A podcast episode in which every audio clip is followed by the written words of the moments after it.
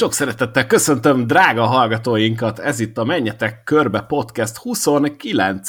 epizódja, és aki ma itt van velünk, dr. Juhász Zoltán, az Arena 4 NASCAR szakértője, hello, hello! Hello, Boszkó, sziasztok! És Molnár Dávid, az Eurosport kommentátora, szia Dávid! Hello, sziasztok! Jó magam pedig Módos János Aka Boszkó volnék, a 500 Miles szerkesztője. Nos, gyerekek, micsoda versenyt láthattunk itt Darlingtonban. Nektek hogy tetszett, és akkor utána majd belemegyünk a részletekbe, egy kicsit kezdjük ilyen nagyon távolról. Összességében mi a véleményetek erről a most látott futamról?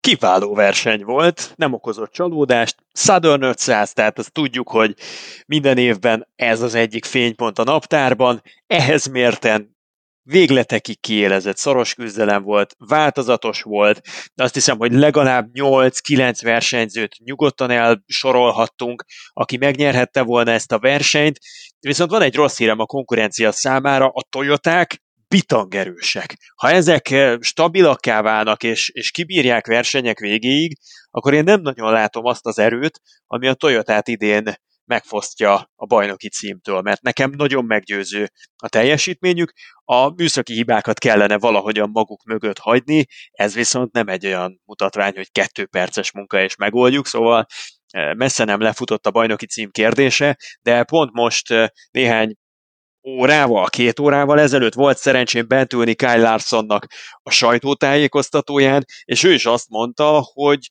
döbbenetes, amilyen fölényt lát a Toyoták oldalán. Olyan mechanikai tapadása van a Toyotáknak, és forgalomban úgy közlekednek, mint senki más.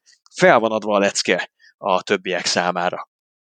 Azt mondod, hogy eddig félig meddig ment az altatás, és most fognak majd az utolsó tíz versenyen robbantani a Toyoták, és megmutatni, hogy hát Simán őket, benne van őket bizony nem lehet idén megverni. Egyébként így hozzászólva ehhez a verseny témához, hogy jó verseny volt-e, nem volt-e jó verseny, mi a véleménye erről a történetről, Szerintem ezt a versenyt igazából a káosz tette jóvá. Majd erről is fogunk beszélni valószínűleg a podcast során, hogy eléggé nehéz volt előzni a pályán. Nyilván ezekkel az új generációs autókkal, a hetedik generációs autókkal már a múltkor is láttuk, hogy de szerintem így mm, igazából az előző generációs autónál sem lehetett azért olyan óriási side-by-side küzdelmeket vívni Darlingtonban, de hát ez a pályás soha nem is erről szólt.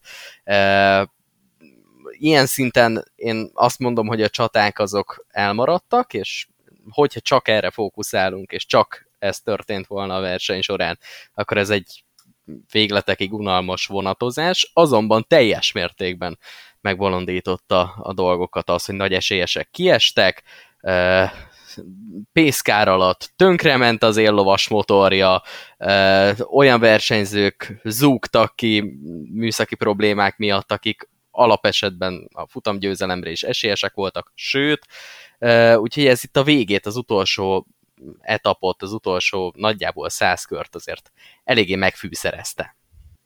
Beszélgethetünk arról egyébként, hogy nehéz volt előzni Darlingtonban, erre Kyle Busch is panaszkodott, és a fő szószóló pedig Danny Hamlin volt, aki azt mondta, hogy gyakorlatilag lehetetlen előzni, és hogyha akár 20-30 körrel a futam vége előtt az ére verekeded magad, akkor aztán azt már meg is tudod tartani. Én ennél azért nagyobb ö, csatát láttam itt a végén, de kétségtelen tény, hogy Eric Jones szerintem megérdemelten nyerte meg ezt a Darlingtoni futamot, és akkor most már el is mondtuk, hogy kinyerte, bár reméljük drága hallgatóink látták legalább az összefoglalót, vagy olvassák a 500miles.hu-t. Tényleg tele volt drámákkal ez a verseny. Ugye Kyle Busch 155 kört vezetett, majd a sárga alatt felrobbant a motorja gyakorlatilag, Chase Elliott megpörgött, begyűjtötte Chase Briscoe-t, ugye mindegyik pilóta, akit eddig említettem, rájátszás szereplő, Kevin Harvick autója kigyulladt, Martin Truex bár nincs a rájátszásban, de szinte a könnyeivel küzdött az interjúk során, és ezt említettétek is Zoli még a, az élőben is, hogy hát mint hogyha sírt volna Truex, tényleg olyan hangja volt, nagyon-nagyon szerette egy jó versenyt, és neki például a vízpumpája hibásodott meg, úgyhogy dráma, dráma hátán követte egymást itt Darlingtonban végeredményben szerintem Eric Jonesnak nagyon jól jött ez a győzelem, de hát tényleg itt a rájátszást azt rendesen megkavarta ez a Southern 500. Lehetett rá számítani, hogy ez is egyfajta wildcard verseny lehet, de ha nagyon őszinték akarunk lenni, akkor tényleg ezek a váratlan műszaki meghibásodások jelentették a fő variánst az egyenletben, mert egyébként nagyjából standard lebonyolítású volt a futam, én legalábbis azt éreztem. Az elején azok, akiknek a melegebb, napsütéses időjárásra volt jobban beállítva az autójuk, azok dominálták a versenyt, akkor vezetett Logano is, nem tudom, 60-70 körön keresztül, aztán igazság szerint ő beleszürkült az 5. és 12. helyen folyó csatározásokba, és azt követően nagyon előre törtek a Toyoták. Jött először Kyle Busch, aztán pedig Martin Truex, és Kyle Busch vezetett vagy 150 kört ezen a versenyen, ami 2020 óta egyetlen egy versenyen sem jött össze neki, de mind Kyle Bushnál, mind Martin Truexnél, mind Kyle Larsonnál jött egy-egy műszaki probléma, ami Larson három kör hátrányba taszította, Truexet és Kyle Busch egyértelműen kiírta a versenyből, tehát ők célba sem tudtak érni. Eliott valamennyire önerőből kötött ki a falban, és utána meg a garázsban.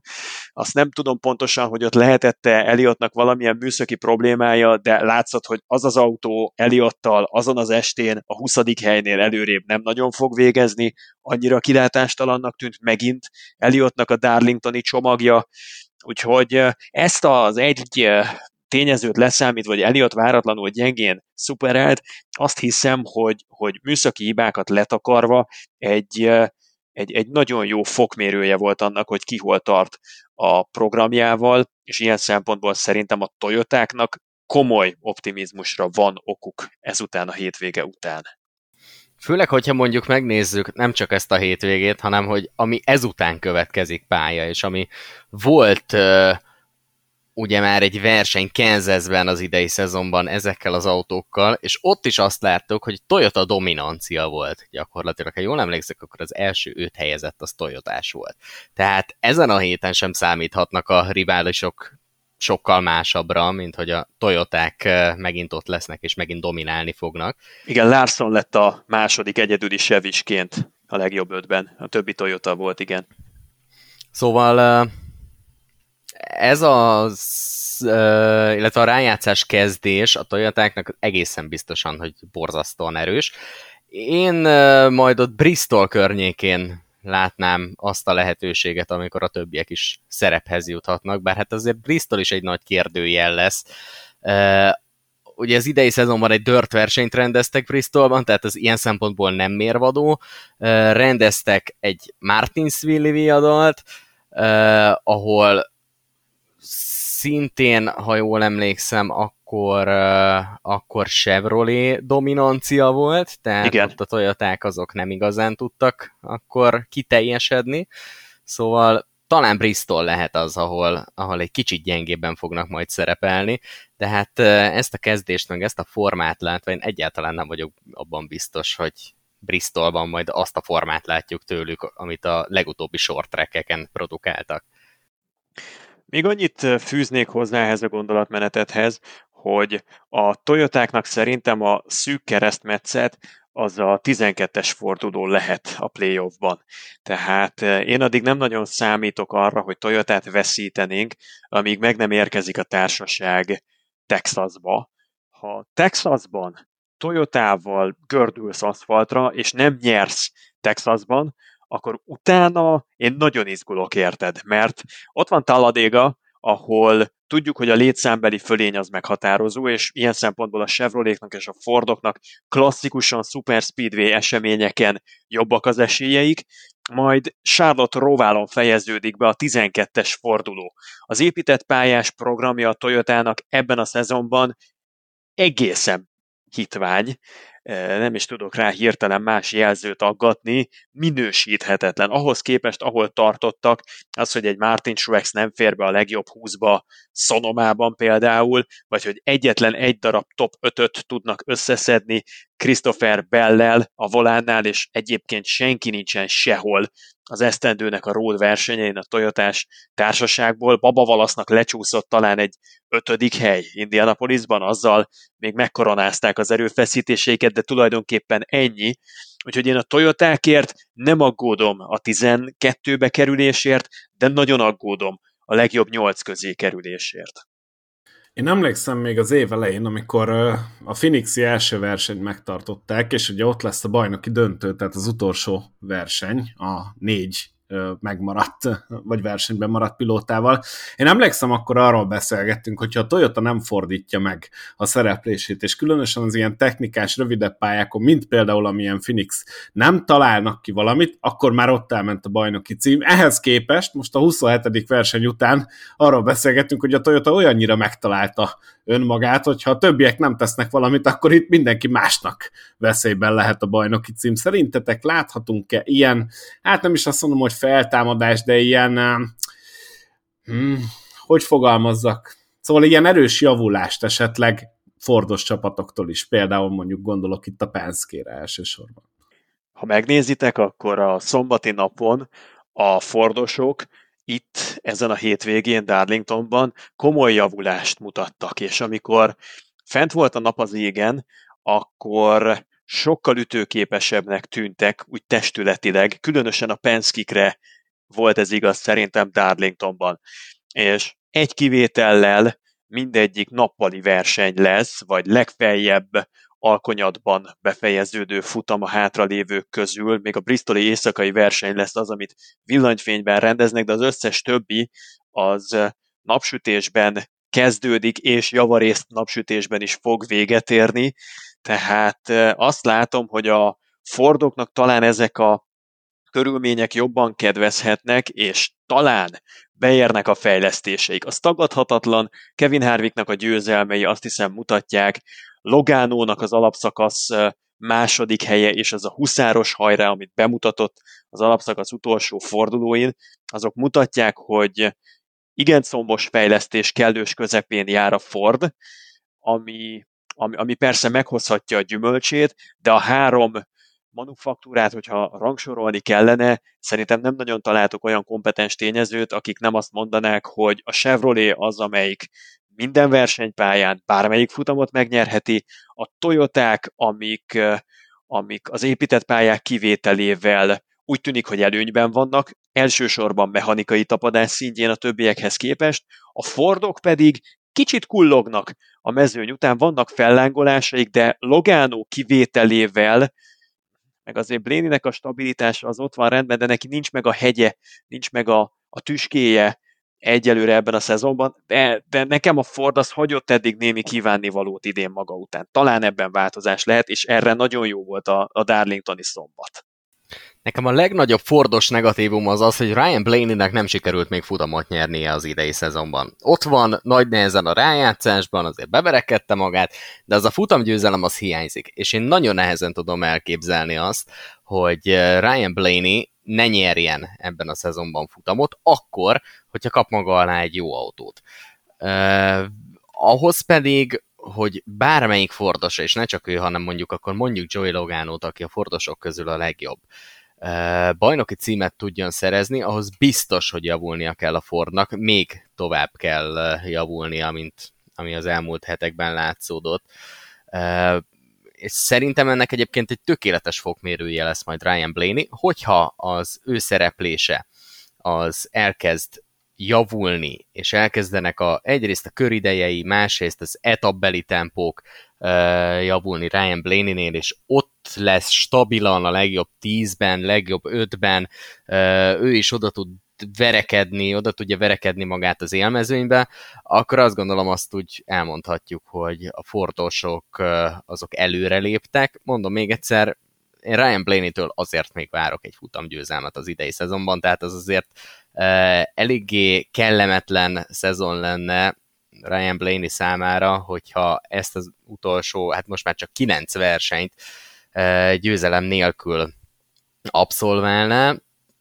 Nagy szerencsével meg ugye még akár ebben az esetben is bejuthat a bajnoki döntőbe, de azért a Ford idei szezonját látva, meg főleg Ryan Blaney idei szezonját látva, egy ilyen forgatókönyv már nagyon nehéz lesz. Ugye beszélhetünk még arról, hogy Joey Logano-nak milyen esélyei lehetnek a bajnoki címre.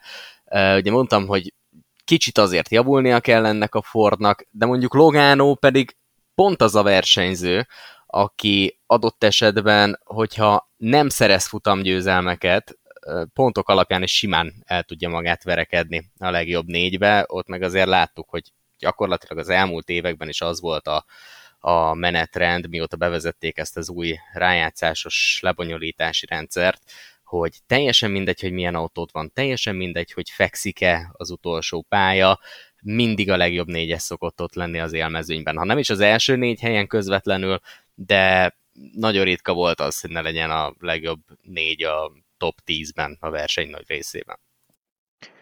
Ti leadtátok a tipjeiteket az általam propagált Grid Challenge-re, tehát a playoffnak a ágrajzát hát megrajzoló kis tipp versenybe? Igen. Oké, okay. Volt olyan. hogy álltok? Hogy álltok itt Darlington Erről után? ne beszéljünk szerintem. Megmondom őszintén, én nem néztem, de számít az, hogy most hogy állok? Az nem, nem csak akkor számít, amikor már megvan a 12?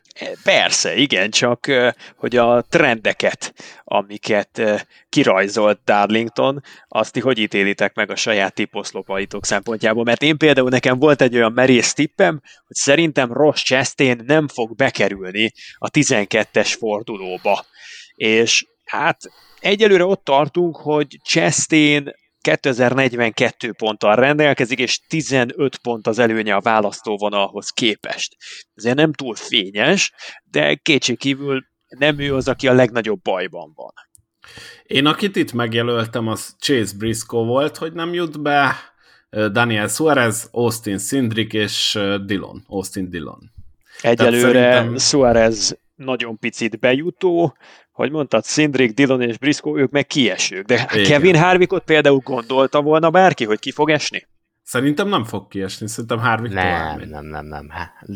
Harvick őt szinte száz százalékra veszem, hogy még így is tovább fog menni. Tehát azért én nem féltem Kevin Harvickot, hogy egy 12-es körbe tovább verekedje magát. Nekem egyébként majdnem ugyanezek voltak a tipjeim, én még Tyler Rediket varázsoltam be Austin Dillon helyett, azok közé, akik ki fognak esni, és valamilyen csoda folytán Austin Dillon én úgy látom, hogy a 12-es körbe is majd át fogja verekedni magát. Ezzel egyébként egy annyira érdekes 16-os kör rájátszás első kör jött létre, hogy volt ugye összességében 16 futam győztesünk, de 15 győztes lett így Kurt Busch visszalépésével több különböző pályatípuson uh, szereztek ezek a versenyzők ugye, győzelmeket. Uh, egy, gyakorlatilag egy olyan 16-os körünk lett, amiből apró szerencsével tulajdonképpen bárki tovább mehet, mert nincsen annyira kirívóan rossz versenyző benne, mint mondjuk a tavalyi szezonban azért eléggé biztosra vehettük, hogy a Daytona 500 győztes Michael McDowell elő nem fog tovább jutni, és szerintem egyébként nem annyira egyértelmű, mint amennyire a mi tipjeinkből egyértelműnek tűnik, hogy Briscoe Suarez és Szintrik ki fog esni. A Rediket magyaráz meg. Tehát azok után, amit végignéztünk az alapszakaszban, hogy Tyler Reddick egy folyamatos fenyegetés az abszolút elitre, és van két futam győzelme, ezt muszáj megindokolnod, hogy, hogy hogy, hogy te vagy az első, akivel beszélek, és azt mondja, hogy Reddick nem jut be a 12-be. Elmondom neked, hogy miért. Azért, mert Tyler Reddicknek van két jó futama, utána jön három rossz. Teljesít négy jó versenyt, utána van öt rossz. Tehát nem tud konstans jó teljesítményt nyújtani. Jó, lehet, hogy három versenyből egy, egyet elkap és megnyeri azt az adott versenyt, és ez nem feltétlenül Tyler Reddick hibája, adott esetben ebben a csapat is benne van bőven, hogy Tyler Reddicknek azért összejött, hogyha az alapszakaszt nézzük, legalább egy 7-8 olyan verseny, ahol nem igazán jöttek ki neki a dolgok. Nyilván jól kezdett Darlington-t, ugye harmadik lett Tyler Reddick, azt hiszem, Darlingtonban. Igen, tehát ez azért egy elég erőteljes kezdés Tyler Reddick számára. Én minden esetre azt gondoltam, és most is azt gondolom egyébként, hogy ezt a három versenyt, ezt nem fogja top 10-ben hozni, vagy nem fogja olyan eredménnyel hozni, hogy ne legyen abból mondjuk egy egy top 20-ból kicsúszás. És adott esetben, hogyha mondjuk nem lett volna ez az óriási nagy daráló, akkor ez jelenthette volna azt is, hogy Tyler Reddick több búcsúznunk kell. Én egyébként az idei évet annyira változatosnak és helyenként kaotikusnak látom, hogy kettő pilótán kívül nem is tudok olyat mondani, aki konstans jó eredményeket érne el. Ez a két pilóta pedig Chase Elliott és Joey Logano. Tehát gyakorlatilag rajtuk kívül mindenki ugrál ebben a mezőnyben, és ez az érdekes, hogy beszéltünk róla, hogy Logano ezt egy Penske Forddal csinálja, míg Chase Elliott egy, egy Hendrick Chevrolet-val csinálja, de még a, az általunk nemrégiben kiemelt Toyotások közül is teljesen hektikus mindenkinek a szezonja. Én ezért gondolom azt, hogy Redik, ha máshogy nem pontok alapján is tovább megy, de nem, de nem tudok mondom Eliotton és Logánon kívül olyat mondani, aki tényleg végig stabil lenne, tehát ilyen alapon elég sok pilótát ki tudnék én ejteni már a 16-tól a 12-ig, hogy eljutunk. Nekem nem kell megmagyaráznom Suárez, Zoli? Végül is Suárezzel együtt lehet élni szerintem tip szintjén, meg tudom, hogy te nem feltétlenül pakolod Suárez-t a legmagasabb polcra, csak mondjuk egyel nem. az alá. Hát hárommal. Három. Jó, jó. Magyarázd meg. Kíváncsi vagyok azért az okfejtésre. Suáreznek szerintem összességében nem rossz pályái azok, amik helyet kaptak a 16-os fordulóban, tehát én emiatt voksolnék arra, hogy Suárez megy egy kört, nem többet, de egyet megy. Az is igaz, persze tudjátok, hogy aki egy kört megy, az elég jó eséllyel lehet, hogy megy még egyet, mert a második kör a 12-es forduló, az tényleg annyira lutri a Róvá versennyel, a Toyoták gyengélkedésével az épített pályákon, ahol megüresedhet például Suáreznek a hely az élbolyban, hogy, úgyhogy nem tudom. Aki egyet megy, az jó eséllyel megy kettőt is szerintem, ha nem Toyotás. Hát meglátjuk. Minden esetre szerintem érdemes most beszélnünk egy kicsit Eric Jonesról, és a legendás 43-as autóról, ugyanis ez volt a rajtszámnak a 200. győzelme. Ugye Richard Petty miután utoljára Darlingtonban itt a Southern 500-on a Victory Lére látogatott, ez 1967-ben volt, hát azóta egy kis idő eltelt, és Eric Jones külön boldog volt, hogy itt, itt lett meg a 43-asnak a 200. győzelme. Hát olyan szempontból viszont keserű volt egy picit Eric Jonesnak ez a, ez a futamgyőzelem, hogy hát pont a rájátszás első versenyén sikerült összehoznia, így aztán ő a bajnoki címért már nem küzdhet. Hogy látjátok ennek a csapatnak a, a teljesítményét, és Eric Jones eh, szerintem látható javulását? Én nagyon sajnálom egyébként, hogy Eric Jones nincs ott a rájátszásban. Tehát az idei szezonban azért ért el olyan eredményeket, volt elég sok top 10-es helyezés, és pont mondjuk Tyler Reddickhez tudnám hasonlítani őt olyan szempontból, hogy a jó szereplések után rögtön jöttek rossz versenyek, és gyakorlatilag az a futamgyőzelem az, ami szerintem a két versenyző közt ilyen szempontból a különbséget jelenti. Tyler Reddicknek van győzelme az alapszakaszból, ugye beszéltük, mert két győzelme is van összességében. Eric Jonesnak meg nem jött össze az alapszakaszbeli futamgyőzelem. Mondjuk olyan nagyon közel, talán egyszer járt hozzá a versenyek során. És akkor elkezdődik a rájátszás, és Darlingtonban rögtön be tud húzni egy győzelmet, ami egyébként egy érdekes kettősség, mert nyilván így, hogy nem vagy benne a rájátszásban, a győzelem az olyan nagyon sokat nem ér hogyha mondjuk egy normál versenyről lenne szó. De azért ez mégiscsak a Southern 500, tehát azért mégiscsak egy legendás versenyt sikerült megnyernie, és ilyen szempont, meg egy legendás autóval, és ilyen szempontból azért ez egy nagy győzelem, de hát hogyha ezt az eléggé kegyetlen lebonyolítási rendszert nézzük, azért Eric Jones számára, hogyha a Daytonai 400 mérföldesen jött volna össze ez a siker, vagy egy teljesen jelentéktelen uh, Michigani vagy Richmondi verseny, vagy teljesen mindegy, hogy hol, sokkal nagyobb értéke lett volna ennek a futamgyőzelemnek számára, mint hogyha itt sikerült volna ezt elérnie. Ettől függetlenül szerintem, és majd nyilván megint eljutunk arra az időszakra, hogy meghatározzuk, hogy ki volt a nap győztese, vesztese és a legnagyobb meglepetése.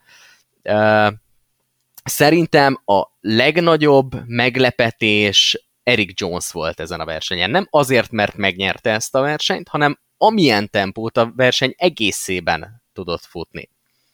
Azt hiszem, hogy túlmutat ez a futamgyőzelem Eric Jonesnak a nagyságán.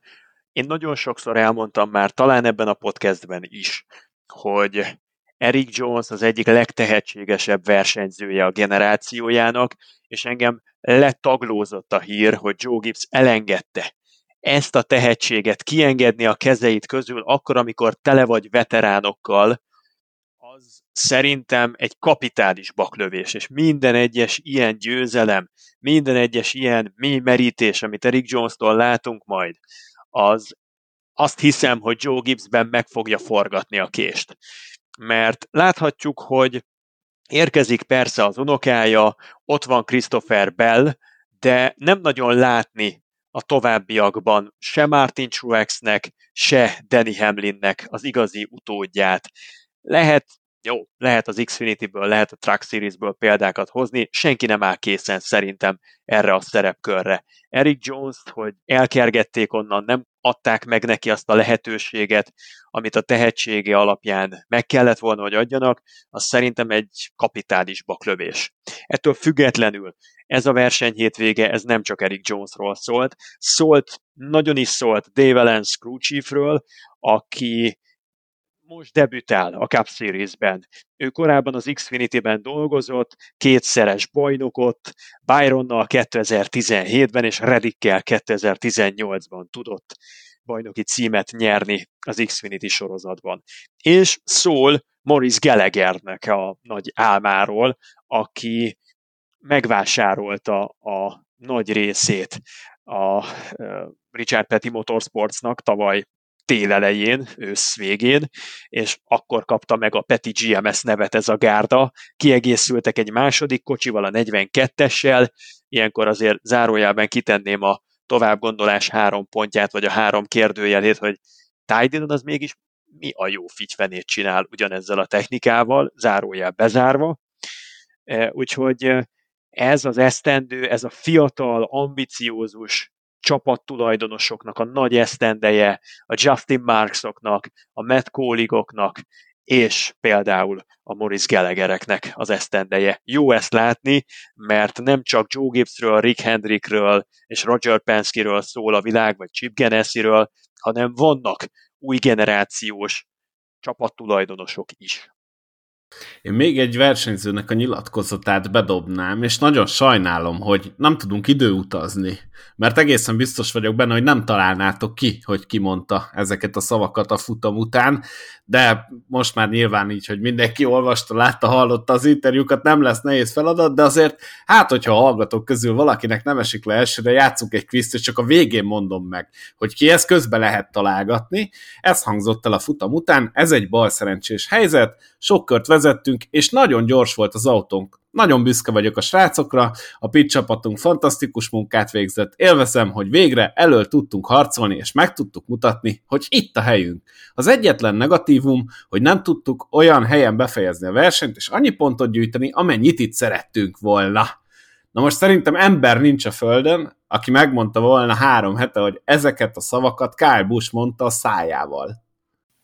Hát, hogyha az a szerződés már megszületett, akkor abban valami nagyon fura passzus lehet, hogy ilyeneket nyilatkozgat Kyle Busch. Ha meg nem született meg, akkor ö, mindent megtesz azért a szerződésért, hogy kicsit jobb színben tüntesse föl magát. Szerintem valamikor 20 évvel ezelőtt nyilatkozhatott ilyen szépen Kyle Busch. Uh, érdekes, érdekes mentalitásbeli váltás. Lehet, hogy ez az érzékenyítő tréning az segített neki múltkor és ez még annak az utóhatása. Valahogy csak befűzted a műsorba. Helyben vagyunk. Nekem egy dolog jutott eszembe még erről az interjúról. Tudjátok, a Terminátorból van az a mém, amikor hazatelefonál és kérdez valami hülyeséget, amire a szülői olyan választ adnak a, a John Connornak, hogy abból tudja a Terminátor, hogy a szülei halottak. És szerintem valami ilyesmit el lehetett volna játszani Kálbussal, hogy így elfordulsz az interjú után, és akkor a szüleit halottak, menjünk innen, ez biztos, hogy nem Kálbus mondta.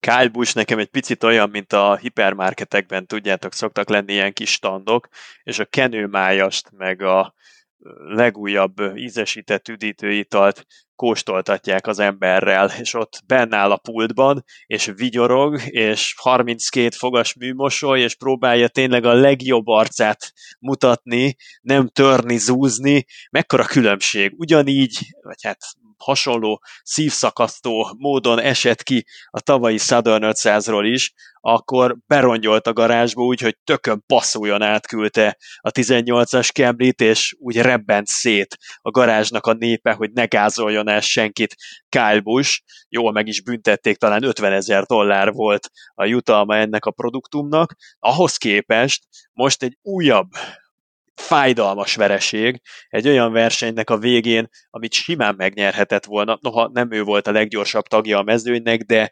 az összességében ő vezette a legtöbb kört, és szerintem Martin Truex után a második legéletképesebb technika dolgozott alatta, és Kyle Busch teljesen megjuhászodva, jámbar módon, politikailag végtelenül korrektül nyilatkozott, kielégítő választ adott az újságírói kérdésekre.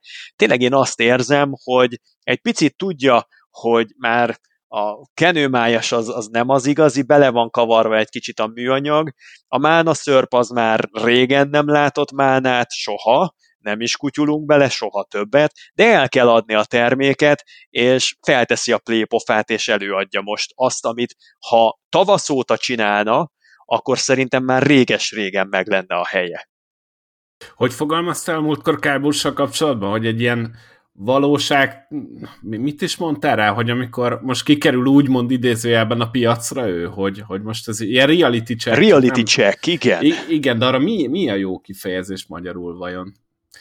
Hát rádöbben a saját értékére, nem tudom most így hirtelen. És ez megtörtént szerinted időközben? Szerintem meg. Ez már hetekkel ezelőtt, emlékeztek rá, volt talán egy hónapja egy olyan nyilatkozata, amikor Bob Parkress szembesítette azzal, hogy itt már egészen más gazdasági klíma van, mint ahol a gigaszerződések korát éltük, és azt mondta Kyle, hogy ő ezzel tökéletesen tisztában van, nyomon követi a piaci folyamatokat, és hajlandó a saját igényeit drasztikusan visszafogni, és uh, ugye próbál és képes is engedni akár a piaci ára alá is, hogy ne ez legyen a szűk keresztmetszet. De szerintem nagyon későn jött a feleszmélés, mert tudok elképzelni olyan forgatókönyvet, hogy Kyle Busch sokáig kitartotta a saját ázsióját, és ezért is hullott szét az Oracle-lel a deal, amit megpróbáltak nyílbeütni, és Joe gibbs sem túl rózsás a kapcsolat. Azért eh, arra voltak már közvetlenül utadó jelek versenyek végén, amikor Joe Gibbs jött volna, meglapogatta volna Kyle Busch-nak a vállát, szólt volna két jó szót, és Kyle Busch levegőnek nézte őt. Az ilyen előzmények után szerintem arra reálisan nem lehet számolni, hogy majd Joe Gibbs fogja kihúzni a bajból, mert eh, Joe Gibbs az végtelenül kellemes helyzetben van, ott van Ty Gibbs, őt be tudja ültetni, pont jó a karrierje fellendítése szempontjából, neki nem hiányzik Kyle Busch meg a nagy szókmók, a lehetőségek pedig egyre fogynak, és Kyle egyre kétségbe esettebbnek tűnik. Úgyhogy nagyon izgalmas időket élünk. Kettő szerződés biztos, hogy van jelenleg Kyle Busch asztalán, de nem véletlen, hogy nem jelentették még be, mert talán ő várna, remélne egy jobbat, egy harmadikat, ami talán soha nem jő el. Hát nagyon kíváncsi leszek, mi lesz a vége ennek a történetnek, de most már azt is várom, hogy ezen a héten melyik kájbúst láthatjuk, mert gyakorlatilag hétről hétre váltakozik, hogy most éppen túl ideges, vagy éppen nem mond semmit, vagy most éppen ez a nagyon nyugodt, higgadt, teljesen polkorrekt kájbus volt. Szerintem ebből is lehetne egy ilyen külön bingót csinálni, nem? Hogy most ez melyik kájbust látjuk Kansas után, és szerintem nagyban függ attól is, hogy hogy sikerül a versenye nyilván Szerintem, amíg nincsen bejelentve a szerződés hosszabbítás, addig ugyanezt a Kyle Busch-t fogjátok látni, mint akit most láttunk Darlingtonban, aki szorgalmasan tölti a kupicás pohárba az ásványvizet ízesítve, és jó pofát vág hozzá, hogy a 74. alkalommal is megkérdezik tőle, hogy, hogy, hogy mennyit enged a feléből. Nem gyakori vendég ez a Kyle Busch az Arena négy képernyőjén, én legalábbis eddig így láttam. Na de mit szóltok Kevin Harvickhoz, akinek most ezen a héten kigyulladt az autója, és ráadásul az övé nem csak így úgy amúgy, mint korábbi hetekben láttuk más Stuart házas versenyzőktől, hanem az övé azért rendesen lángra kapott, és neki bizony ki is kellett ugrania belőle, és hát Harvick viszont nem fogta vissza magát, és azt mondta, hogy biztos vagyok benne, hogy csak a versenyautó nem túl jó alkatrészei miatt történt az eset, hát ő nem pont így fogalmazott, és hozzátette, hogy ezt idén már annyiszor láttuk, külön a NASCAR-nak címezve mondta, hogy nem csináltok semmit, a NASCAR túl csóró ahhoz, hogy megoldják ezt a problémát, ugyanúgy, ahogy a biztonsági gondokat csak hagyjuk, és nézzük, hogy rosszabb és rosszabb legyen. Na most ugye erre reagált a NASCAR, hogy hát nem teljesen erről van szó, hogy ők ezt csak úgy hagyják és nézik. Ugye itt vizsgálják a Darlingtonban a gumidarabkákat, hogy esetleg azok okozhattak-e problémát, de vizsgálják az autó egyéb alkatrészeit is, és hát így némileg visszaböktek Harvick irányába, hogy ez azért nem teljesen így van. Hogy látjátok ti ezt a NASCAR versus Kevin Harvick dolgot, és ezt a, ezt a véleményt Harvicktól. Mennyi ebben az igazság? Ugyanis még azt hozzáteszem gyors, hogy állítólag egy beszállítótól kapott alkatrész miatt volt a probléma, legalábbis a Stuart House szerint. Hát könnyen beszél Kevin Harvick, neki van szerződése.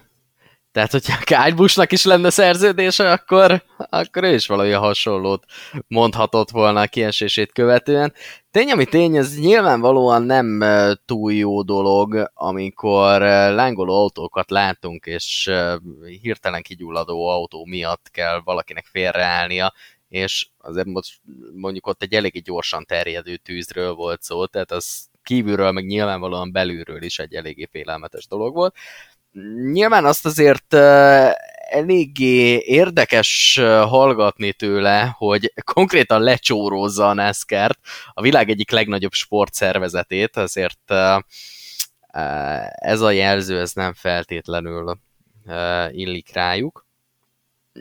Nyilván a szervezet is nem csak így egy ilyen légből kapott nyilatkozattal mondta azt, hogy igen, ismerik a problémát, tudják, hogy mi a helyzet, és, és megpróbálnak ezzel ellen valamit tenni, és, és vizsgálódnak.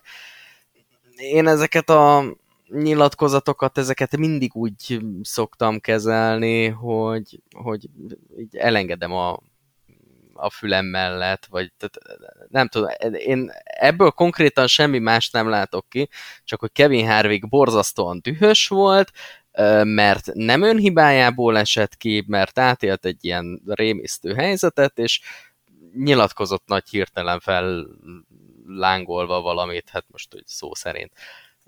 Hát igen, ő szó szerint fel volt. De tehát ettől függetlenül szerintem, hogyha két nappal később kérdezték volna meg erről a dologról, akkor már teljesen más dolgot mondott volna. Én ezzel nem értek egyet. Szerintem Kevin Harvick, mint ahogyan órákkal később, vagy nem is tudom, ez talán egy hétfő délelőtt interjú volt, ott is megerősítette azt, amit mondott, és Kevin Harvicknak tökéletesen igaza van. Végignéztük ebben a szezonban, hogy leég Chris Bushernek az autója, végignéztük, hogy leég Cole az autója. Bocs, nem én mondtam, bocs, nem számít, nem én mondtam. Ja. Igen. Végignéztük, hogy leég Chase Briscoe-nak az autója, és volt olyan, amikor leégett Alex Bowman autója. Mindegyik kísértetiesen hasonlított Kevin Harvicknak az esetére, az történt, a, hát amennyire az oknyomozás eredményre vezethet, minden esetben arra vezetett arra az eredményre, hogy a gumitörmelék azokon a pályákon, ahol felhalmozódik az ideális ív mellett, az bekerül a Rockerboxon keresztül ott a nagyon pici kis lyukon át, ami eredetileg ugye a hűtését hivatott szolgálni a kipufogócsőnek, illetve a kipufogó csövet körül ölelő elemeknek, vagy a splitternek az autó orrészével való találkozásánál, netán a brake ductnál, tehát a fékrendszer hűtésére vágott nyílásnál bekerülnek nagyon apró, nagyon száraz gumi darabok, darabkák a kipufogócső mellé, és mivel kötelező 75%-ban nyitva tartani, és azt követően még egy ventilátorral meg is hajtani a hűs levegőt ebbe az irányba, ezért annyira felforrósodik a gumidarabka, hogy lángra kap, és nehogy véletlenül az a láng az tova illanjon, még oxigénnel is tápláljuk. Tehát ez a tökéletes katasztrófa receptje. És Kevin Harvicknak 46 évesen van rá némi esély, hogy ezzel ér véget érdemben a szezonja, mert az utolsó helyen áll a rájátszás összesítésben, és elveszített ezzel a malőrrel legalább 30 pontot. Ez elfogadhatatlan. Az más kérdés, hogy Kevin Harvick minden héten szidja a NASCAR-t. Előző héten ugye az volt a problémája Daytonában, hogy össze-vissza szabályalkotás, meg szabályalkalmazás folyik, azt se tudja a NASCAR, hogy mit csinál, mit hív, mit dönt. Korábban ő volt, aki legélesebben bírálta a hetedik generációs autónak a biztonsági rendszerét, tehát Kevin Harvickban van egy jó adag frusztráció, amit a két győzelme sem tudott lehűteni, de ezzel kapcsolatban tökéletesen igaza van. Nem értem, hogyha négy autó, öt autó leégett a szezon során ugyanezzel a problémával, akkor hogy juthatunk el a playoffnak az első versenyéig úgy, hogy nem történik rá semmi megoldás, és két nap alatt lám-lám össze tudtak ülni a fejesek, és tudtak rá hozni olyan szabálymódosítást, ami kötelezővé teszi, hogy a polimerborító lemezt azt lecseréljék, és akkor acélból legyen, meg még egyéb más finomításokat beiktatva, a splittert azt eh, más módon rögzítik, illetve ott lesz egy tömítő anyag is beiktatva, hogy semmiképpen ne kerüljön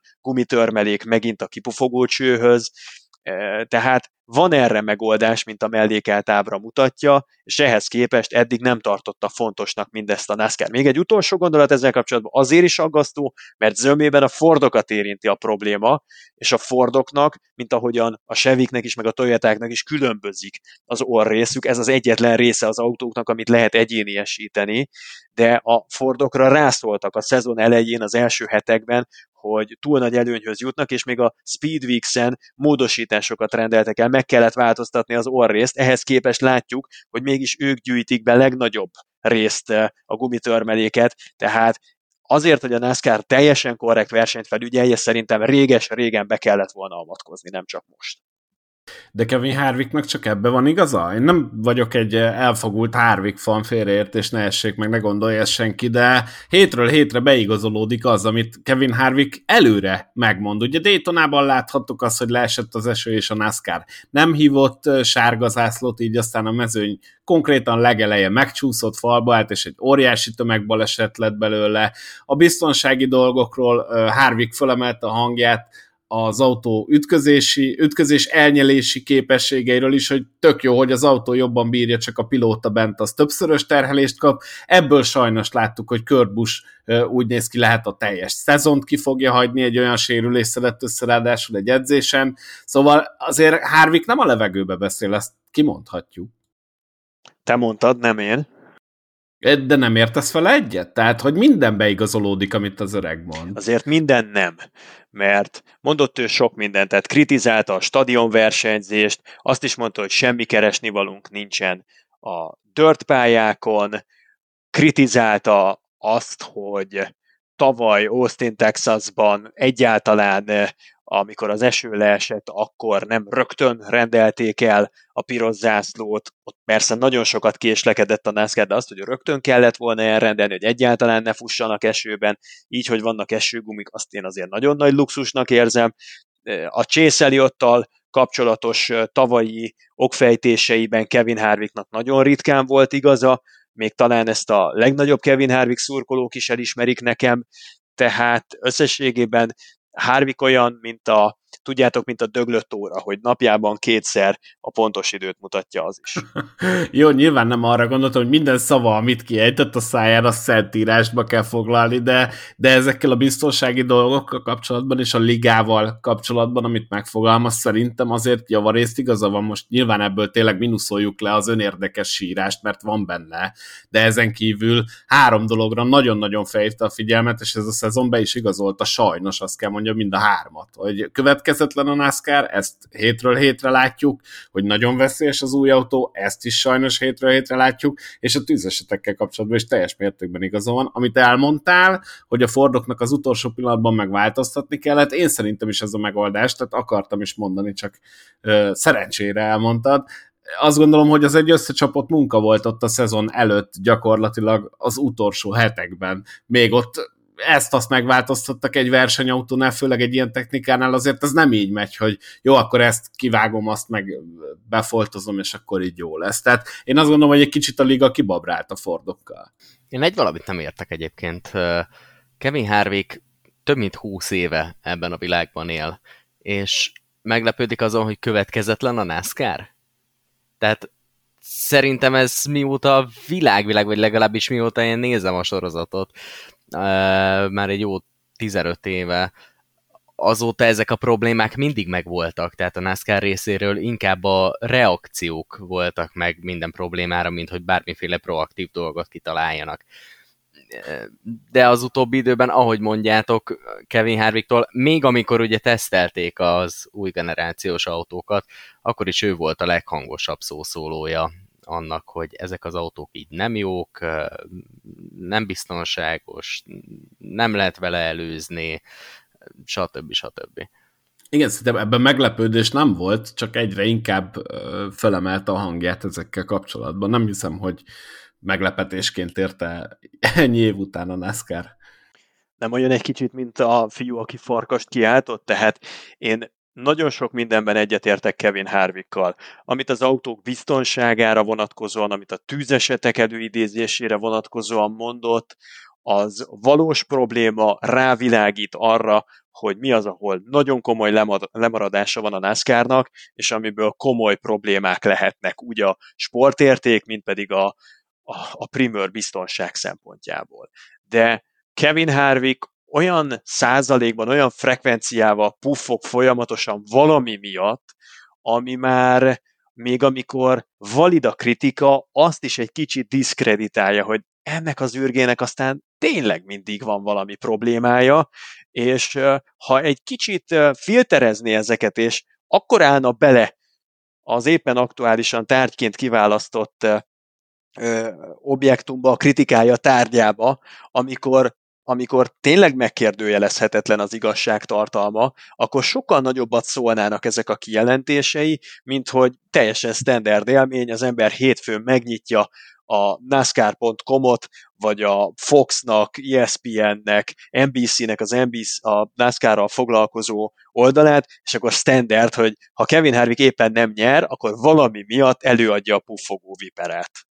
Jó, ebben van igazság egyébként, tehát hogyha hétfő reggel én is azt olvastam mondjuk a Májcon, hogy Kevin, Harvey, Kevin Harvick mindennel elégedett, és szuperül érzi magát, és minden jó, akkor én is megcsipkedném magam, hogy most éppen ébren vagyok-e, vagy ez most mi történt, vagy hogy történt ez a dolog. Ebbe van valami, de, de szerintem azért ő is egy két-három fokkal hangosabban kiabálja, és többször azt, amiben egyébként igaza van, de, de tény, hogy nem alaptalan, amit, amit mondasz akkor már elkezdenéd sejteni, hogy problémák lehetnek a jövő évi szerződéssel. Igen, de azzal Harvicknak nincsen problémája. Akinek szintén nincsen problémája, az pedig az a Noah Gregson, aki megnyerte a hétvégén az egészen elképesztő Xfinity futamot ugyanitt Darlingtonban. Történt ugyanis, hogy Sheldon Creed és az Xfinity-be visszalátogató Kyle Larson óriási csatában voltak öt körrel a verseny vége előtt, és addig-addig ütötték, vágták egymást, míg Noah Gregson remek taktikával fölért rájuk, és az érdekesség az, hogy mind a hárman a falba csúsztak egyébként. Sheldon Creed meghúzta ezt az úgynevezett videójátékos move-ot, hogy megpróbálta az utolsó kanyart, azt teljesen a falon abszorválni, amiért már láthattunk egyébként Kyle Larson-tól is, korábban még a Cup Series-ben ráadásnak, és Noah Gregson mindeközben csak egy erős bevetődéssel így először becsúszott kettejük közé, megfogta a falat, aztán utána elsőként itt tette le őt a kockás zászló. Hogy láttátok ti ezt az egészen kaotikus és nagy csatákat hozó Xfinity futamot? Én azt gondolom, hogy az év egyik legjobb versenye volt, és én egy picit sajnáltam, hogy Creed ezt nem tudta megnyerni, de Noah Gregson győzelme sem érdemtelen természetesen. Szenzációs volt. Nem, nem nagyon fogok rá jelzőket találni, mert ez az a kategória, hogy ezt valaki vagy megnézi, legalább az utolsó tíz kört, és elismerően csettint, vagy ha csak úgy elmagyarázzuk neki, hogy mi történt, akkor, akkor úgysem lesz meg benne az a fajta hevület, amit ez az élmény megkíván. Tehát tényleg szenzációs verseny volt. Azt jól látni, hogy Kyle Larson, amikor lerándul az Xfinity-be, akkor valami emlékezetes történik, és nem is véletlen, mert meggyőződésem, hogy mindenki úgy tekint rá, mint a jelenkor egyik, ha nem a legjobb versenyzője az egész autósport világot szem előtt tartva, és azért egy Xfinity pilóta számára az mennyire felpaprikázó élmény, hogy tessék, ott van, bejelölöd a képzeletbeli céltáblán, az Kyle Larson, az az abszolút etalon szint, és őt kell megverni. És látszik, hogy mindenki olyan szinten éhes a Kyle Larsonnak a levadászására, hogy azt, hogy azt öröm nézni, és végre van egy ember az Xfinity mezőnyben, akit azért tisztelnek, akit Ty Gibbs sem borít bele a sóderágyba, Road Amerikán, akit azért egyszer sem ér olyan szintű atrocitás, sőt, inkább Kyle Larson az, aki agresszorként lép fel ezeken a lerándulásokon. Tehát, tehát nagyon izgalmas ilyen szempontból a felállás, és az, amit Sheldon Creed művelt a kopott gumikon, az, az tényleg instant klasszikussá tette, Gregson előtt pedig le a kalappal, tehát ugyanaz a, az a tudathasadásos élményem van, hogy Gregson néha olyan éretten tud versenyezni. Nem véletlen, azt hiszem a második futamát nyerte Darlingtonban, ahol ingyen nem adnak egyetlen egy kockázzászlót sem.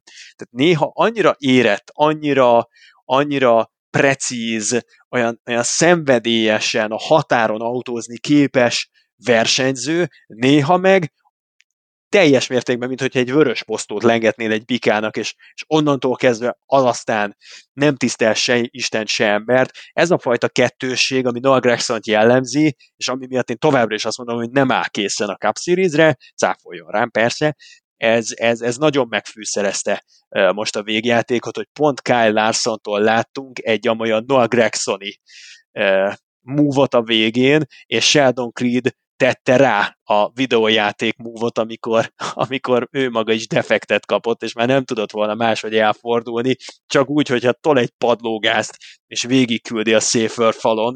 Tehát ezt látni kell, srácok. Nekem erről a befutóról az jutott eszembe egyébként, amikor tudjátok, van a futóknak az utolsó pár méter, és megpróbálnak így melbedobással nyerni, vagy így előrevetik magukat. Nekem olyan volt az egész élmény, mint hogyha ezt az előrevetést, vagy ezt az előredobást mind a három pilóta az élbolyban egy olyan kétszer-háromszor megcsinálta volna ezeket a, ezeket a az utolsó próbálkozásokat, tehát egészen elképesztő, hogy ott egymás hegyén hátán küzderek egyetlen egy Darlingtoni Xfinity győzelemért, mint hogyha bajnoki címért ment volna, komolyan mondom, és ezért szoktam mindig megnézni az Xfinity-t, hogyha tehetem, egészen elképesztő futamokat hoz ez a széria is, és na, Gregson, hogyha jól emlékszem, idén már a negyedik futam győzelmét könyvelt el, a gondolatmenetethez még annyit, hogy igen, a Gregsontól látsz néha ilyen egészen érett versenyzés, hogy végig gondolja, hogy mit szeretne, tudja, céltudatos, megcsinálja, a határon megy, igazi profi, de aztán jön a jövő hét, és úgyis elfelejted, mert megint vissza ez, a, ez az idióta stílus, és ez a mindenkibe belerongyolok, mindenkit a falra teszek, ugye Álgájörrel többször összeakadtak idén, úgyhogy igen, Gregson szerintem sem áll készen a Cup Series szereplésre, de ha már Larsonról beszélgettünk, Zoli, voltál te most egy Larsonos sajtótájékoztatón, amit említettél, és hallottál-e ott valami érdekeset esetleg? Larson mindig egy nagyon érdekes karakter ezeken a sajtótájékoztatókon. Egy olyan versenyző, aki, aki eléggé beavatja a közvéleményt abba, hogy mi is foglalkoztatja őt igazán, és általában azért ez a srác, ez mindig azon agyal, hogy milyen ívet kell, milyen módon megautózni ahhoz, hogy ő legyen a leggyorsabb. És akármilyen kérdést feltesznek neki, valahogy mindig ide vezet a történet, egy, egy tényleg egy vérbeli autóversenyző, aki látszik rajta, hogy ezzel kell és ezzel fekszik, és ezt most sem hazudtolta meg ezt az önmagát Kyle Larson. Igazság szerint, ami látszott rajta, az az, hogy a Toyotáknak a Darlingtoni sebessége, az talán őket is felkészületlenül érte. mert próbálta ugyan egy kicsit kenegetni az élét a dolognak, de, de tulajdonképpen azt mondta, hogy ő, ő a jelen helyzetben a Toyotákat látja előnyben, és mindenki más bottal üti a nyomát a Toyotáknak. Annyira jó a mechanikus tapadásuk, és Darlingtonban ez szerintem nagyon kijött, hogy nem igazán tudott senki más forgalomban előzni, csak és kizárólag a Toyoták, mert olyan helyzetben is megvan a tapadásuk, legyen az aerodinamikai vagy mechanikai, ahol, ahol szinte senki másnak. Nagyon pici levegő is elég a Toyotáknak ahhoz, hogy leszorító erőt képezzenek, és, és ez az, ami, ami azt mondatta Kyle Larsonnal, hogy, hogy, hogy elsősorban arra törekszenek, hogy megpróbálják behozni a lemaradásukat. És ezen ügyködik mindenki a Hendrik Motorsportsnál. Nem tudom persze, mert pont egy olyan versenyhelyszínre érkezünk megint Kansasben, amely, amely Toyota pálya. Tehát ha nincsen Larson tavasszal, akkor az egy, az egy, az egy négyes Joe Gibbs Racing söprés is lehetett volna az a verseny. Egyedül Larson mentette meg a Mundér becsületét, és Kurt Busch a 23-11-essel a végére elég szépen beledominált az utolsó szakaszba.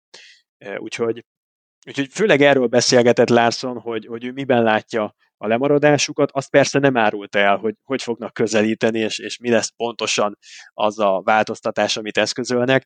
Még Austin Sindriknek is be tudtam ülni az interjújára, és és, és ott pedig Austin Sindriknek az volt talán a legérdekesebb hozzászólása, amikor megemlítette azt, hogy egyetért abban William Byronnal, hogy a Las Vegas-i pályára hasonlít leginkább az előttünk álló Kansas-i.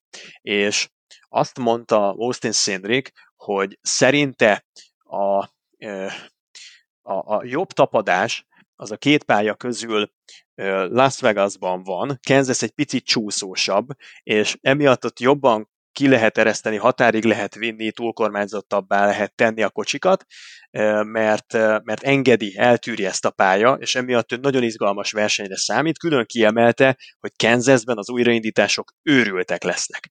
És most, mivel tudom, hogy nem szabad róla beszélned, azt azért hozzátenném, hogy kiváló versenyt zárt Colcaster, aki az újraindításainak köszönhetően elég szépen befigyelt ott a legjobb tízbe a versenynek bizonyos szakaszaiban, és a legjobb Stuart House racinges volt Darlingtonban, hogyha erőből, legalábbis én ezt tartom, hogyha ilyen szinten fog tudni újra rajtolni Kansasben, ami abszolút döntő az újraindítások szempontjából, akkor én érzek olyan meglepetéseket a levegőben, amire talán kevesen gondolnak. Colcaster például az egyetlen futamgyőzelmét egy kiváló újraindításnak köszönheti Kentuckyból, és arra nagyon hajaz ez a Kansas pálya. Itt, hogyha hogyha jó újraindító kocsid lesz, és hamar gyűjtöd be az utazó sebességet, az a 3, 4, 5, 6, 7 helyet is lehet fogni, és aztán hiába gyorsabb nálad az a sok ember, akit magad mögé utasítottál az újraindításnál, a piszkos levegő van annyira zavaró, hogy már nem fognak tudni egy könnyen visszaelőzni. Úgyhogy a jó restartereknek, Brad Keselowski-nak, Cole sokkal jobb hétvégéje lesz szerintem Kansasben, mint amire sokan számítanak. Az volt a nagyon érdekes, amit mondtál, hogy az egész mezőnyből a Toyotások tudtak egyedül előzni gyakorlatilag, mégis tőlük hallottuk a legnagy, legtöbb panaszt, hogy nem sikerült előzni. Ugye Danny Hamlin is felszólalt ez ügyben, Kábus is, én meg pont az ellenkezőjét láttam, ahogy te is mondtad, hogy gyakorlatilag a Toyota volt az egyetlen, aki, aki tudott előzni mezőnyben. Mit szólhattak akkor a többiek ez a pályához, mert tényleg, hogyha Hamlin panaszkodik, hát átment a mezőnyön nekik az fájt, hogy egymást nem tudták megelőzni, tehát Martin Truex is egyedüliként tudott szerintem a belső íven előzni a Joe Gibbs-esek közül érdemi vetétársakat, ahogy Kyle Busch vagy két alkalommal faképnél hagyta a belső íven Darlingtonban Martin Truex, az egy igazi erődemonstráció volt, de ezt leszámítva tényleg elvétve fordult elő, hogy valaki képes legyen stabilan a belső évet működtetni. Darlington ilyen szempontból nem biztos, hogy a legjobb lakmuszpapír, mert eleve egy nagyon szűk pálya, igazán a külső év dominál, és nem nagyon lehet találni fogást a közel azonos technikával, közel azonos köridőket előtted rajzoló versenyzőn, hiszen a minimális különbséget nem tudod kiautózni, annyira nagyot csökken a kanyartempód, ha letérsz az ideális külső ívről a belsőre. Tehát ez, ez is adja a nehézségét, nem csak a piszkos levegő, amire a toyotások panaszkodtak, ők egymást nem tudták megelőzni, a többiek pedig a Toyotákat nem tudták megelőzni, ez, ez itt a, a legnagyobb rákfenéje. Igen, az, az már egy jó pont, amikor azért panaszkodsz a csapatnak, hogy a csapattársat nem tudod megelőzni. A többiek mit mondhattak, hogy meg senkit nem tudok megelőzni a teljes Toyota brigádból. No de, volt itt a múlt héten egy elrajtoló új sorozatunk, amiről szerintem spoiler nélkül egy nagyon minimálisat tudunk beszélni, ugyanis akkor még csak bejelentettük a podcastba, hogy indulni fog a NASCAR-nak a Forma 1 mintájára készített, ugye a Drive to Survive, azaz hajsza a túlélésért, talán a magyarul címe. A, a Valami a olyasmi. Ugye azban én is angolul tudom, azt hiszem hajsza a túlélésért, és ugye ezt picit alapul véve, vagy hogy mondjam, ich, lett forrásul véve a NASCAR csinált egy saját ilyet, ami a Race for the Championship címre hallgat, tehát nem tudom, mondjuk ez is egy ilyen iszonyatosan kreatív név, szerintem legalább volt egy perc, mire ezt kitalálták. Na most különböző trükkökkel meg lehetett nézni az első epizódot, én ugye meg is tettem, én ugye a szomszéd kisrásznál szoktam, amikor ő megnézi, odállok az ablakba, és ott végignézem, szerencsére üvölteti a tévét, úgyhogy hallottam, és ugye beszéltünk róla, Zoli, hogy hogy én egy picit félek attól, hogy, hogy nagyon elmegy ilyen, ilyen szenzációhajház irányba, te pedig akkor elmondtad, hogy tök jó lenne, ha csak bemutatnák a, a NASCAR-nak a figuráit, a karaktereit, az emberi oldalait a versenyzőknek, és hát szerencsénkre az utóbbi történt. Én legalábbis így láttam, elképesztő felvételek, nagyon-nagyon jó hangulatú első epizódot láttam én a két szememmel. Te hogy élted ezt meg? Régóta szüksége volt a NASCAR-nak erre. Végre egy olyan termék, amit büszkén bemutathat egy városlakó, egy metropolisban, vagy annak az agglomerációjában, mondjuk a keleti vagy a nyugati parton élő amerikai srác, egy korunkbeli fiatalember, talán még ezt így mondhatjuk, a haveroknak, és nem fogják érte kicikizni. Végre egy olyan demonstrációja a NASCAR-nak, ami tudott szakítani azzal a fajta megbélyegző szellemiséggel, ami sajnos körüllengi a szériát, és ami nagyon sokakból tiltakozást vagy ellenérzéseket vált ki. Ha lecsupaszítjuk a NASCAR-t a sallangoktól, akkor ez egy vérbeli autóverseny, ami, ami, ami nagyon megosztó a NASCAR-ban. Én úgy érzem, hogy túlzottan előtérbe került az elmúlt húsz évnek a televíziós produktumaiban. Ez a fajta délies, a country zenének az orba szájba vadó nyomásán alapuló egy, egy szűk szegmest megszólítani képes, és alapvetően a vidéki Amerikára építő televíziós produktum, amit a Fox ebből generált, az nagyon sokak számára eladhatatlanná tette a sorozatot. És pontosan ennek örülök, hogy van egy másfajta bemutatása, interpretációja annak, ami történik, Remélem, hogy megkapja a megfelelő publicitást, mert azért itt ne feledjük el, hogy nem egy Netflix sorozatról beszélünk, hanem ez a USA-nek egy belső produkciója. Az első részét valamivel kevesebben látták, mint az Austin Dillon féle hitványkodásnak az első epizódját. Tehát azért ennek megvannak a maga korlátjai. Ettől függetlenül aki szeretne látni egy NASCAR-ral foglalkozó, azt valamennyire realisztikusan bemutató, de azért fogyasztható, élvezhető, egy nagyon picit a bulvárban is megmerítkező, de a kulisszák mögé bepillantást engedő sorozatot látványos operatőri munkával, jó vágásokkal, egyfajta nem bugyuta, hanem, hanem befogadható, követhető, értelmes ö, ö, szövegkönyvvel, és, és ugye ez egy unscripted sorozat, de, de azért, hogy hogy vágják össze, meg hogyan futtatják fel az epizódokban az egyes storyline-okat, az azért nagyon nem mindegy, akkor az adjon egy esélyt ennek, mert szerintem nem fog csalódni. Én azt az egyet nem tudtam eldönteni, hogy ebből hány epizód fog kijönni, és annyit azért elszpoilerezek, hogy az első epizódban nem jutunk el Daytonáig, tehát ugye volt a Bush Clash a Coliseumban, és addig vezeti föl a, az egész évet gyakorlatilag. Én nem tudom elképzelni, hogy minden egyes versenyen forgattak, de hogyha csak mit tudom én, egy 8-10 versenyt megmutatnak ebben a hangulatban, meg a pilótáknak a háttértörténetét, ami jól láthatóan változik, tehát hogy melyik pilótákat mutatják be, az már előrevetítve látszik, hogy változik, tehát azért itt meg, megszellőztették, hogy, hogy többekhez is elmentek kamerával, ami szerintem tök jó, meg az egész hangulat nagyon-nagyon jó lett. Az eleje picit nekem langyos volt, de aztán, aztán látszott a végére, hogy, hogy hova fut ki, és volt egy, egy megdöbbentő jelenet sor, ezt viszont már nem spoilerezem el, egy drónnal csináltak valahol felvételt, hát mindenki próbálja megtalálni a módját tényleg, hogy, hogy ezt megnézze, mert az a valahol az nem akárhol van ám, és tényleg egészen döbbenetes kameramunka van az egész mögött. Én csak ajánlani tudom, hát kicsit trükközni kell hozzá, de nem megoldhatatlan. Egyébként az IMDb-n 8,7-esre értékelték ennek a sorozatnak az első epizódját, úgyhogy aki látta, annak viszont jól láthatóan tetszett.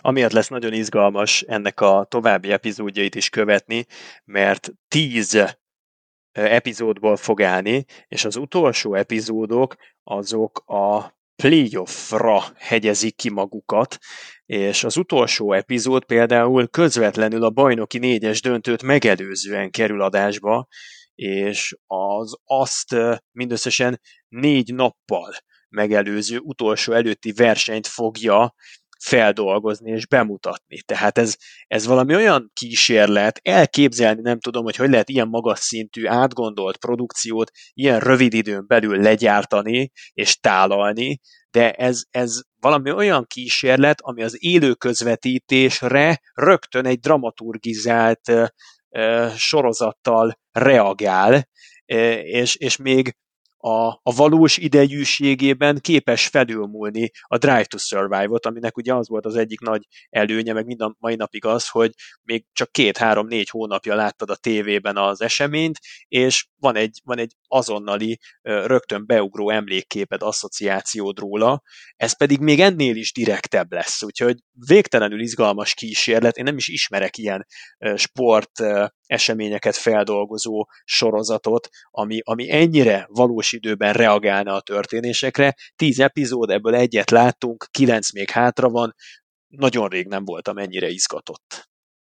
Tényleg elképesztően jó az egész, és nekem az az, az, az óriási pozitívum, hogy amíg kritikát a Drive to Survive itt megkapott, ki szerint jogosan, ki szerint nem, szerintem picit jogos, hogy ilyen műdrámákkal volt tele, főleg a, a második évad, ezt aztán a harmadik évadra egy picit állítólag próbálták csökkenteni, hát szerintem nem feltétlenül sikerült annyira, de ez a rész ez teljesen kimaradt. Tehát, hogy ahogy te is mondtad, Zoli, nincs is szükség műdrámákra, elég, hogyha megmutatják tényleg a NASCAR-t, itt van annyi tökös csávó, hogy, hogy itt aztán simán kialakulnak ezek a sztorik. Hát most, hogyha csak visszaemlékszünk, és nem a sorozatból szeretnék spoilerezni, de ha visszaemlékszünk csak a Bush versenyre, ugye a Coliseumban, hát ugye ott láttuk Ryan Blaney-t némileg idegesen, pont az épp futamot nyert Eric Jolesra, úgyhogy ott röpült ez a nyakvédőbe a pályára, összeakad Joey Logano és Kyle Busch, és ezeket mind-mind láthatjuk újra. úgyhogy, úgyhogy túl nagy spoiler nincsen, esetleg annyit tudok spoilerezni, mint a a Csernobil sorozatról, tudjátok, hogy 86-ban megtörtént, és volt olyan ember, aki azt mondta, hogy no spoiler, még nem láttam az egészet, hát ugye azon sajnos túl vagyunk, úgyhogy na mindegy, mindenképpen ajánlom én is megtekintésre, és akkor a témáink végére érve muszáj, hogy megválasszuk a hét emberét, a hét vesztesét, és ha van ez nem kötelező, akkor a hét külön díjasát, vagy erkölcsi külön díjasát. Van-e jelöltetek bármelyikre, és ha igen, akkor kicsoda? Inkább úgy hangzik a kérdés, hogy miért ne Eric Jones lenne a hét győztese, nem? De, de, de, abszolút. És uh, én még egy kérdést föltennék, hogy a hét vesztese az pedig miért ne Joe Gibbs legyen? hát nem tudom. Azért uh, jó. Jó. De akkor már inkább tegyük oda, hogy racing, mert úgy, úgy értem. Szerintem hát, nyugodtan mehet Joe Gibbs, mert most végignézte, ahogy Eric Jones, akit ő elengedett, picit elkergetett attól a csapattól, az megmutatja, hogy egy sokkal hitványabb technikában is ugyanúgy megnyeri a Southern 500-ast, mint ahogyan megnyerte a 20-as Toyotában. Jó, én ezzel egyet tudok érteni, és akkor így már értem, hogy mire gondoltál oda erre. Gondolom. Így van, így van. Hát az egész csomagra, tehát az, hogy sikerült kifocizniuk magukat a biztos győzelem kapujából két alkalommal is, és hát gyakorlatilag ugyanabban a percben, eh, valamint a helyükre lépett az a versenyző, akit eh, hát sikerült kifocizni a csapatból egy jó két évvel ezelőtt, úgyhogy mindenképpen Joe Gibbs-t eh, jelölném én erre a pozícióra. A külön díjas pozíciót azt hát nehéz, nehéz odaítélni bárkinek. Én erre mondok egy jót, és akkor az első kettőbe egyezzünk meg, mert a hét embere Eric Jones, aki megszerezte a 43-asnak a 200. futamgyőzelmet, és megnyerte a Southern 500-et. A hét vesztes akkor Joe Gibbs, aki végignézte, hogy a pilóta, akit kirakott a csapatból, elveri az ő csapatát, és fontos pontokat hullajtottak el ezen a hétvégén, ezáltal meg a kiesések által is, és az erkölcsi különdíjasra én egy Sheldon Creed-et javasolnék az Xfinity-ből, aki a hatodik melbedobás után még egy hetediket bevállalt azzal, hogy én nem tudom, hogy hogy képzelte tényleg, de, de megpróbálta a lehetetlent, és padlógázzal, defektes autóval nekivágódott, és hát hogyha ennyi Darlington csíkot magadra szedsz, az mi ez? Darlington zebra? Vagy ezt minek mondják, Zoli, amikor a komplet kanyart így teljesített? Figyelj, én meggyőzhető vagyok erről. Eredetileg Kyle larson jelöltem volna, három kör hátrányból. Úgyhogy megjavították a kocsiját, visszajött a vezető körbe, és végül majdnem top 10-zel fejezte be a futamot, és ahhoz képest, ahol mondjuk Elliot, Harvick kikötött, vagy Kyle Busch, ahhoz képest ő mondjuk 20 ponttal beljebb van, és ez szerintem még döntő tényezőnek is bizonyulhat a későbbiekben. Én eredetileg Larsont mondtam volna, Dávidra nagyon kíváncsi vagyok. Én ezzel a Larsonnal tudok menni. És azért tegyük hozzá, hogy ez mondjuk egy dadogó autóval volt ez a verseny lebonyolítva. Azért jó, hogy Darlingtonban vagyunk, de három kör hátrányból visszajönni, mert nyilván Darlingtonban azért ezt meg lehet csinálni olyan szempontból, hogy azért lehet arra számítani, hogy lesz néhány sárgazászló szakasz, de az nagyon ritka, és csak a legnagyobbak képesek arra, hogy ilyen döntő szituációkban, amikor nagyon fontos és nagyon rosszul mész, és nagyon kell az, hogy a futam második felére összekapd magad, és valahogy visszakapaszkodj, tényleg csak a legnagyobbak képesek erre. Nekem egészen konkrétan Jimmy Johnson uh, ugrik be, aki ezt több alkalommal is eljátszotta, de konkrétan egy pokonói eset jut az eszembe, amikor három sárközászlóból tudott visszajönni három kör hátrányból. Hát uh, valami hasonló érzésem volt Kyle larson nézve, úgyhogy én inkább Kyle Larsonnal mennék. Hát yes. nagyon szomorú, nagyon szomorúvá tettetek most, hogy Sheldon Creed-től ezt elvettük. Én, én kétszer is adattam volna Sheldon Creednek. Persze jó, Larson értem, tök jó visszajött, megcsinálta lehetetlen múlt héten, vagy két hete ugyanezért, sőt múlt héten ugye ugyanezért adattuk Blaney-nek, tehát értem a, az indokokat, de az akkor az én szívemet megnyerte Sheldon Creed, ez valami elképesztő manőver volt, mindenki nézze. De Boszkó, azt, azt értsd meg, hogy a te szívedet azért nyerhette meg Sheldon Creed, mert Kyle Larson, amikor lement az Xfinity-be, akkor ilyen szintű pengéjére menő küzdelmet tudott uh, vele vívni Creed. Tehát még az is Larson élveme egy kis részben, hogy ehhez az élményhez téged hozzásegített. Igen, igen, de nálam akkor is Creed maradt, de kettő egy arányba lelettem szavazva, úgyhogy akkor a hét külön díjasa pedig Kyle Larson, és akkor most szeretnélek megkérni titeket, hogy mindenki mondjon egy Toyotást a hétvégi fantaziba. hát nem lehet nem Toyotást mondani. Én azért megpróbálkozhatok vele? Meg. Én Kyle Larson bemondanám. Tehát én az utóbbi hetekben annyira Toyotának áll ez a kansas verseny. Az utóbbi hetekben a fantazimat úgy építettem föl, hogy tuti. Nyilván Daytonát leszámítva. Tuti. Tutira mentünk. Csak a tutira. Ezzel szemben mindig voltak olyan meglepetések, mint például a Darlingtonban zseniálisan teljesítő Michael McDowell, vagy akiről már az előbb beszéltünk, Eric Jones. Voltak olyan negatív meglepetések, hogy azok, akiket vártunk volna az elejébe, a Joe Gibbs racingesek, meg persze ott is voltak, de aztán ugye kiestek a versenyből, Kevin Harvick szintén. Úgyhogy én most egy olyan versenyzővel tartanék a rájátszás második versenyére, akinek megvan az esélye, aki gyors, aki már az idei szezonban is jól ment Kansasben, ennek ellenére nem a legnagyobb esélyese a versenynek, úgyhogy én azt mondanám, hogy Kyle Larson az én fantazimban biztos szerepelni fog. Nem biztos, hogy nyerni fog, sőt, de van egy jó kis kibélelt helye bocsánat, Zoli, mielőtt elmondod a tippedet, szeretném én, mert majdnem minden héten ellopjátok a tippjeimet, hogyha nem baj. Valószínűleg úgyis te is Toyotásra gondolsz. Én azon az elven indultam el, hogy akinek most tönkrement az autója, annak biztos, hogy nagyobb figyelemmel összerakják a következő futamra, és Kyle Busch érzem nagyon erős fantasy szereplőnek a most következendő hétvégén. Át is lesz nézve az autója, szépen fel lesz újítgatva, hogy kibírja a futamot, úgyhogy a Toyotáknál szerintem ezt nagyon-nagyon nézni kell, hogy, hogy ki az, akinek akinek frissen nagy generáloztak, nyilván minden verseny után megteszik, tehát poénkodok, és ami még a fejemben maradt, hogyha valaki játsza a menjetek körbe bingót, akkor valahogy csempészük be Arik Almirólát és Cory Lajoy, de ezzel a mondattal pont meg is tettem, úgyhogy én Kyle Busch mondanám. Értem, hogy miért furakodtál ennyire előre. Jó, oké, rendben.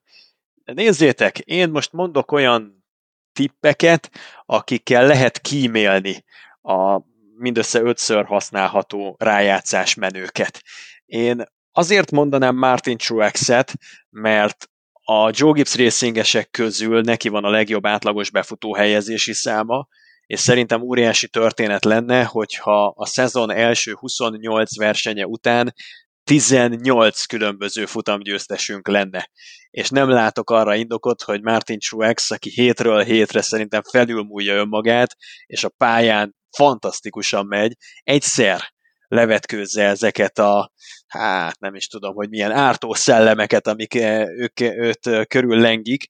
Ugye szerintem Martin Truex egy nagyon jó tipp, és hogyha zárójában még megengedtek egy nagyon messzi tippet, amiért lehet, hogy ki is fogok kapni, de én egy Brett Keselowskit is belengednék. Látok olyan végkimenetelt ebbe a Kansasi versenybe, ami, ami, ami tényleg káoszba fullasztja az egészet, tehát ilyen három-négyszeri hosszabbítást, kamikaze megoldásokat, és ebben a helyzetben az, hogy valaki mennyire agresszív, és az újraindításoknál mennyire képes kvázi super speedway-esen helyezkedni addig, amíg fel nem veszik az utazósebességet, abban Kezelowski nagyon jó. Ő az egyik legjobb újraindítója a modernkori NASCAR-nak, és, és olyan régen, talán idén még sose használtam Kezelowskit, hogy ezzel talán kímélem egy picit a fő favoritokat, és gyűjtöm a muníciót majd a szezon utolsó versenyeire.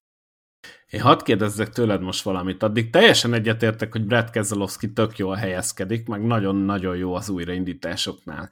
De amikor azt a mondatot mondod, hogy szerintem ez egy balesetekkel és káosszal tarkított futam lesz, gondolod, hogy ezekből egyet sem ő fog előidézni?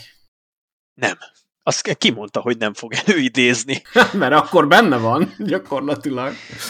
Kezelowski az ugródeszka, tehát az ő motorház teteje az olyan, ami, ami pörget. Egy, egy jobb judós nem pörget annyit szerintem egy átlagos napon, mint Brett Keselowski, tehát én ezt egy szóval nem állítottam, hogy Keselowski ne törné maga előtt az utat és a konkurenciát, viszont egyszer azt hiszem a nagyszámok törvénye alapján meg kell, hogy ússza ezeket, mert eddig idén mindenféle ármánykodása végül visszaszállt rá ha belegondoltak, akkor az összes olyan helyzetben, amikor, amikor valakit eldobott, elhajított messzi földre, akkor 10-20 körre rá Kezelovskit is utolérte a végzet. Egyszer ki kell jönni a lépésnek, és miért pont itt ne jön neki, ahol, ahol az újraindításoknál hárman, négyen, öten, hatan nagyon vidáman egymás nyakának tudnak esni. Az ilyen helyzetekben látok potenciált Kezelovszkiban. Egyébként azt fenntartom, hogy Cole is a szezonbeli legjobb eredményét érheti el. Hát én nagyon kíváncsi leszek, hogy mi vár ránk Kansasben. Egy biztos az idei év az teljesen kaotikus és kiszámíthatatlan. 27 verseny után 17 különböző győztesünk van eddig, ami szerintem egészen elképesztő szám. Ugye idén először meg lett a 16 különböző győztes a rájátszásra, csak ugye Körbus visszalépése miatt egy emberbe jutott győzelem nélkül, de ezen a héten már ezt Blaney sem tehette volna meg, hiszen elhappolta volna előle a helyet Eric Jones, aki bánhatja, hogy a 27. futamot nyerte meg, de jövő héten újra találkozunk veletek ebben a podcastban, hétvégére pedig ajánlom megtekintésre a Kansas-i futamot. Igen, Zoli? Még annyi, remélem Boszkó meg voltál elégedve, mint a Colcaster Fanklub magyarországi nagykövete, alapítója, spirituális vezetője, hogy te nem mondhattad ki, ettől függetlenül én nagyon szépen helytáltam, azt gondolom, és a mundér becsülete az meg volt védve, a számlaszámomat meg tudod. Igen, nagyon köszönjük a rajongói klub nevében, és teljes mértékben meg voltam elégedve, és hálás vagyok. Még egy dolog eszembe jutott azonban, úgyhogy aki leállította az adást, vagy bekapcsol, vagy becsukta a telefont, vagy elment világgal, az már ezt nem, nem hallja. Ugye az adás elején eh, én mondtam, hogy egy két-három polccal lejjebb helyezem Suárez, mint a legmagasabb polc, és arra viszont nem reagáltam, hogy miért, és elmondom, bár a korábbi adásokban már talán szerintem említettem, hogy a buta hibák miatt.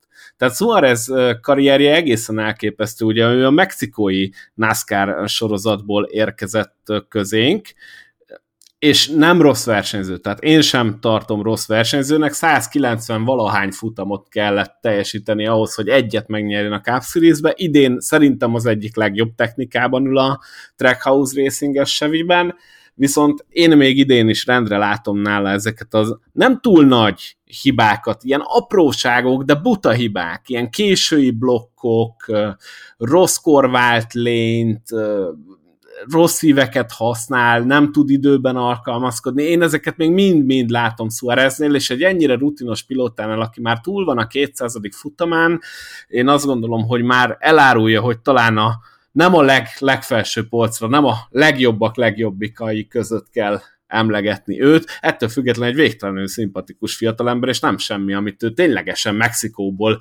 elért, hiszen neki nem, nem is volt olyan családi háttere, ami gyakorlatilag uh, ilyen pénzlovon végig reptette volna őt a NASCAR-ig, tényleg erőből jutott el idáig, megérdemelten, Xfinity bajnok is volt, szóval kétség nem fér a tehetségéhez, a mértékét én egy picit visszább veszem ennek, de egyáltalán nem tartom rossz pilótának, és talán akkor ezekkel a gondolatokkal zárhatjuk is a 29. adás, jövő héten pedig akkor találkozunk a 30-kal, addig is nézzétek Kansas vasárnap 9 órakor a megszokott időben. Az, az Arena 4 pluszon pluszon, úgyhogy ott tudjátok ezeket követni. Addig is olvassátok a 500miles.hu-n az érdekességeket, híreket, egyébként mindent megtaláltok, amiről itt az adásban beszélgettünk, hiszen onnan állítjuk össze az adásmenetet, úgyhogy várunk titeket vissza a jövő héten, és akinek tetszett az adás, az így kövesse, meg így ossza, jövünk föl, úgyhogy egyre többen hallgatnak minket, amit nagyon-nagyon szépen köszönünk, úgyhogy tartsatok velünk a jövő héten, és sziasztok, sziasztok! Sziasztok!